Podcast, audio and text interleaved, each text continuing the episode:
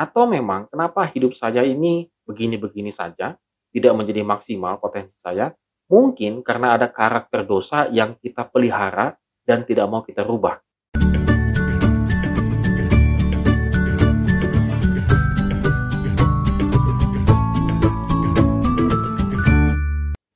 Morning Good Readers, hari ini kita kembali merenungkan firman Tuhan dan tetap semangat, tetap optimis untuk kita menghadapi dan memperjuangkan hidup ini. Hidup ini adalah anugerah, oleh karena itu mari kita memanfaatkan apa pun yang kita miliki untuk memuliakan nama Tuhan. Dan hari ini kita akan membaca dan merenungkan firman Tuhan dari 2 Raja-Raja pasal 24 ayat 8 sampai dengan yang ke-17. Good Readers, kita terkadang suka mengeluh di masa-masa sulit seperti ini. Misalnya, kita tidak memiliki banyak hal untuk kita mengembangkan diri. Mungkin kita akan protes kepada Tuhan atau kepada diri kita sendiri setidaknya. Aduh, saya tidak mempunyai gadget yang mapan, eh, yang bagus begitu ya. Saya tidak memiliki laptop, saya tidak memiliki ini dan itu. Sehingga saya tidak bisa ngapa-ngapain selama pandemi ini. Bahkan penghasilan saya pun merosot dan lain sebagainya. Mungkin kita sering komplain, dengan keterbatasan yang kita miliki. Nah, kita bisa melihat juga dalam dirinya Yoyakin. Nah, kemarin kan Yoyakim, ini Yoyakin gitu ya, menggantikan Yoyakim.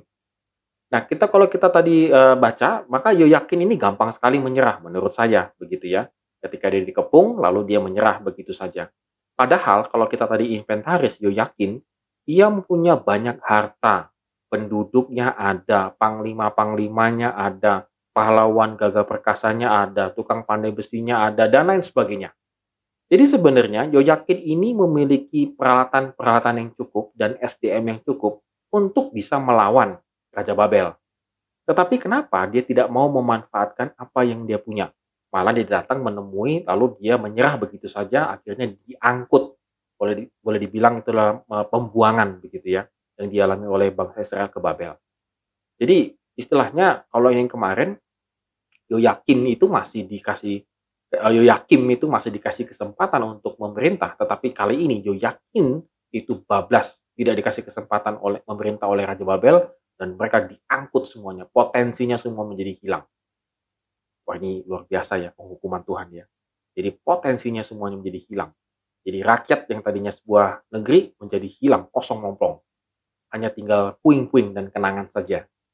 Nah, good kita bisa melihat di sini bahwa dalam kehidupan kita, kalau kehidupan kita tidak dipimpin oleh Tuhan, maka semua potensi yang kita miliki menjadi mati. Demikian juga dengan Yoyakin. Kenapa dia menjadi mandul dan mati dalam hal potensinya? Karena hidupnya tidak dipimpin oleh Tuhan. Ia tetap melakukan apa yang jahat di mata Tuhan. Banyak di antara kita bahwa dan tidak sadar menurut saya bahwa dosa itu membuat kita menjadi hilang potensi hilang hasrat, menjadi malas, dan lain sebagainya. Coba kita perhatikan. Orang-orang yang semangat, optimis, dan lain sebagainya adalah orang yang taat kepada Tuhan. Orang yang setia kepada Tuhan. Contohnya Paulus. Walaupun dia banyak sekali menemui penderitaan dalam perjalanan misinya, penginjilannya, tetapi dia tetap semangat. Bahkan satu kata yang dia selalu katakan diingat oleh kita, biarlah rohmu menyala-nyala dan layanilah Tuhan. Jadi artinya memang kalau orang yang di dalam Tuhan itu spiritnya, semangatnya, positif thinkingnya itu pasti menyala-nyala. Kenapa? Karena memang kalau kita setia kepada Tuhan, Tuhan yang akan membuat potensi kita menjadi maksimal. Tidak seperti Yoyakin, ketika hidupnya di dalam dosa, maka semua potensinya mati.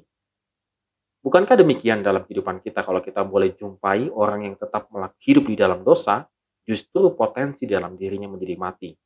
Seharusnya dia pinter, eh akhirnya pinternya pinter mencuri, pinter berbohong, pinter menghack misalnya, dan lain sebagainya. Oleh karena itu, Good Readers pada hari ini mari kita renungkan. Apakah saya masih ingin hidup di dalam dosa atau tidak? Atau memang kenapa hidup saya ini begini-begini saja, tidak menjadi maksimal potensi saya? Mungkin karena ada karakter dosa yang kita pelihara dan tidak mau kita rubah. Sehingga seharusnya kita menjadi manusia yang sangat potensial, bahkan sukses, tidak terjadi. Karena kita masih menikmati dosa. Yang ketika orang lain sudah ingatkan, sudah nasihatkan, itu adalah karakter jelek kamu, tapi tidak kita lakukan untuk eh, melakukan perubahan.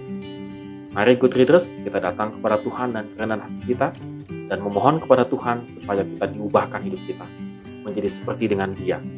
Supaya apa pun yang kita miliki pada saat ini tidak walaupun terbatasnya luar biasa, tetapi kalau hidup kita di tangan Tuhan menjadi potensinya luar biasa. Amin. Terima kasih telah menonton video ini. Have a nice day and God bless.